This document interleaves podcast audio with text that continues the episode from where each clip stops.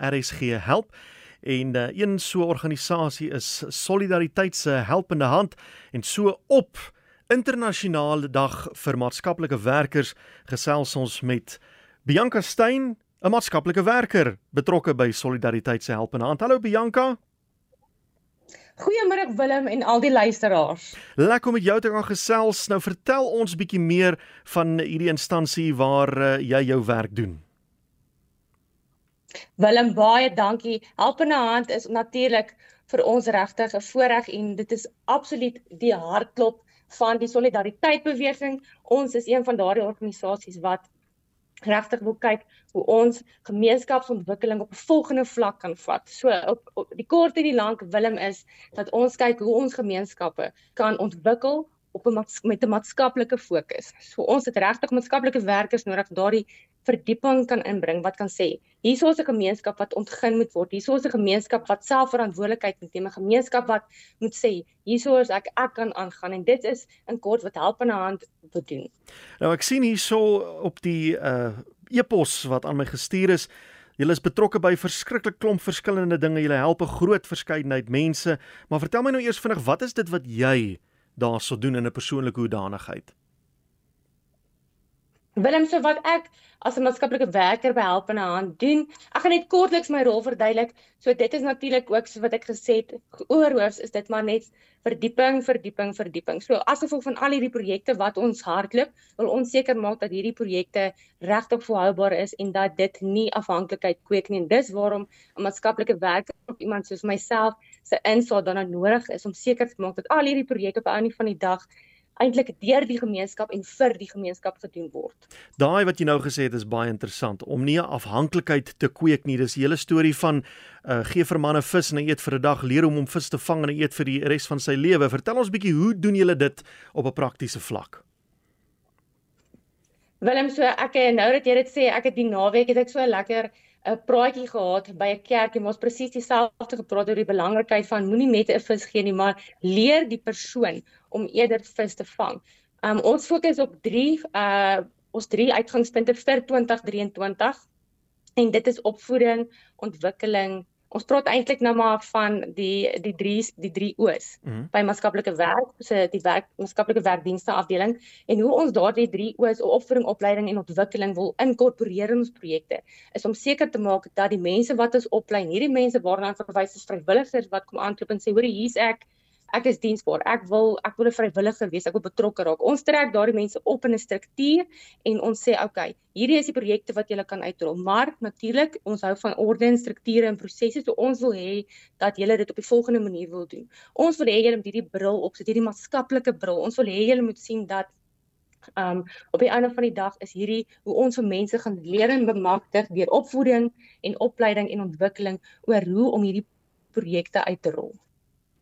En hoe doen julle dit? En watter projekte is dit op 'n praktiese vlak? As jy nou praat van 'n dag tot dag basis, wat is dit wat jy doen van die oggend wat jy opstaan tot jy in die middag huis toe gaan? OK, Willem, ons praat by ehm um, Helpenaan praat ons van ons nasionale projekte en dan praat ons ook van ons takprojekte. So ons takprojekte is daardie projekte waarin vrywilligers dan nou opgeneem word om ook dan nou te help met hierdie projekte. Ons nasionale projekte wat ons ook ehm um, grootliks dan nou uitrol um, is ons kosblikkie projek mhm. wat vir 8000 kleuters kos gee. Ons het ook 'n skooltassie projek wat sedert 2007 'n tassie met die nodige skryfbehoeftes in 'n behoeftige graad eentjie se hand sit. En op hierdie manier verseker ons dat daar gelyke wegspringkasings vir al ons kinders. Ons het ook uh, wat ons noem ons bemagtige kind inisiatief, um, wat ook in 'n ander wye spektrum van behoeftes voorsien vanaf kleuterskool, laerskool, hoërskoolleerders en hierdie wye spektrum van behoeftes wat ek nou van praat sluit in skoolklere, ekstra klasse, naskoolgelde, terapie, koshuisgelde en dit kan alles doen gedoen word deur 'n aansoekproses wat ons dan nou kyk, ehm um, hoe kan ons nou nou aan hierdie wye spektrum van behoeftes voldoen. Ons het ook ons help Hetta projek wat vir meer as 3000 dogters ehm um, sanitêre produkte gee wat op die einde van die dag hierdie dogters nie skool sou gemis het as hulle nie hierdie sanitêre produkte gehad het nie. Mm.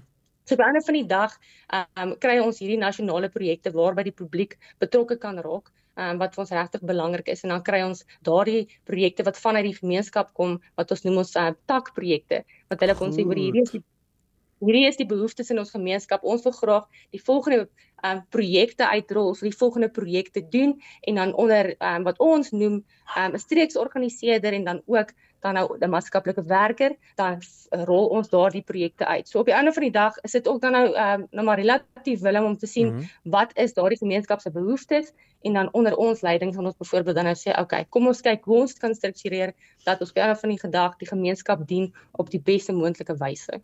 So 'n baie holistiese benadering wat julle daarso het in die manier hoe julle mense help wat julle aan die klein goedjies ook ding byvoorbeeld soos skryfbehoeftes en wat as 'n mens nou organisasie wil help is met die die mense die enigste ding waar mense dink is is 'n uh, kos en klere en mense vergeet van ietsie so eenvoudig so skryfbehoeftes en soos jy daar tereg gesê het sodat ehm um, die kinders wat finansiëel sukkel op 'n uh, gelyke voet wegspring as met die kinders wat 'n klein bietjie meer wel af het. Mm, ja. So kom ons gesels 'n bietjie oor hoe mense julle nader. Hoe werk dit? Waar kom julle in behoeftige mense nader? Hulle hele of vaar julle strate in of hoe hoe, hoe werk dit?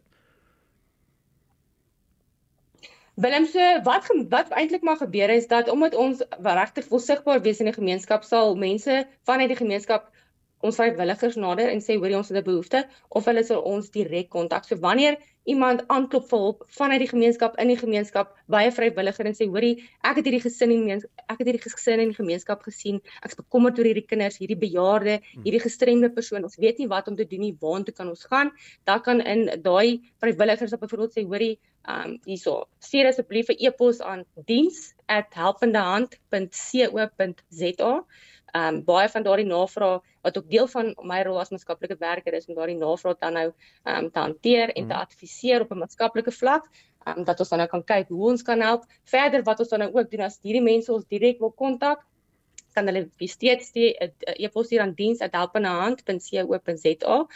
Gewoonlik wat ons dan doen is Willem dat ons het 'n proses wat ons noem 'n assesseringsproses wat ons dan nou wil hê uh, die persone moet um, op die assesseringsproses behels dat hulle 'n elektroniese skakel um, op 'n klik elektroniese vorm invul. Nou daai elektroniese vorm het heel party vra sodat ons soos wat jy nou reg net nou genoem het, holistiese beeld van die persoon kan kry in sy hmm. omgewing, in sy gemeenskap, kan kry watter hulpbronne daardie persoon in sy gemeenskap nodig sodat ons kan verwys en dit bymekaar kan bring. Die persoon kan bemagtig, kan oplei met wat ook al daai persoon het. So dis nie net ons hanteer die navraag ons gaan aan nie, ons moet 'n plan beraam saam met hierdie persoon om seker te maak dat ons die persoon eerder leer om dan nou die vis, die spreekwoordelike vis te vang hmm. eerder as om hierdie vis vir hulle te gee.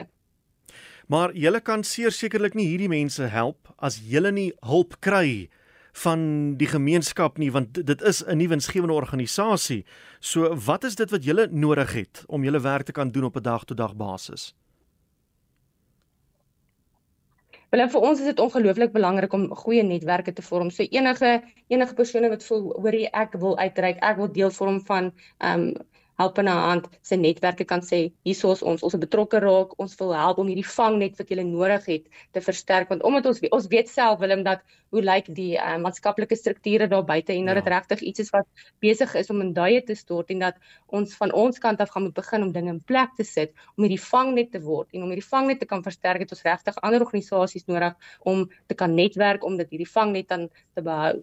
So ja, dit is 'n netwerk netwerk ding op een op een vlak en aan die ander vlak as mense sê eerlikheid ons wil regtig ook ons wil bydra ons wil 'n vrywilliger wees ons wil dalk deel vorm van die projekte ons wil 'n finansiële skenking maak. Mm -hmm. um fokus op 'n projek is hulle welkom om dit ook te doen. En natuurlik as ons kan nie ons projekte doen as dit nie is vir die maandelikse bydrae nie. Um so mense so vrywilligers of wie ook al hulle sluit altyd aan um of as as ondersteuners um wat dan 'n maandelikse bydrae van R50 is.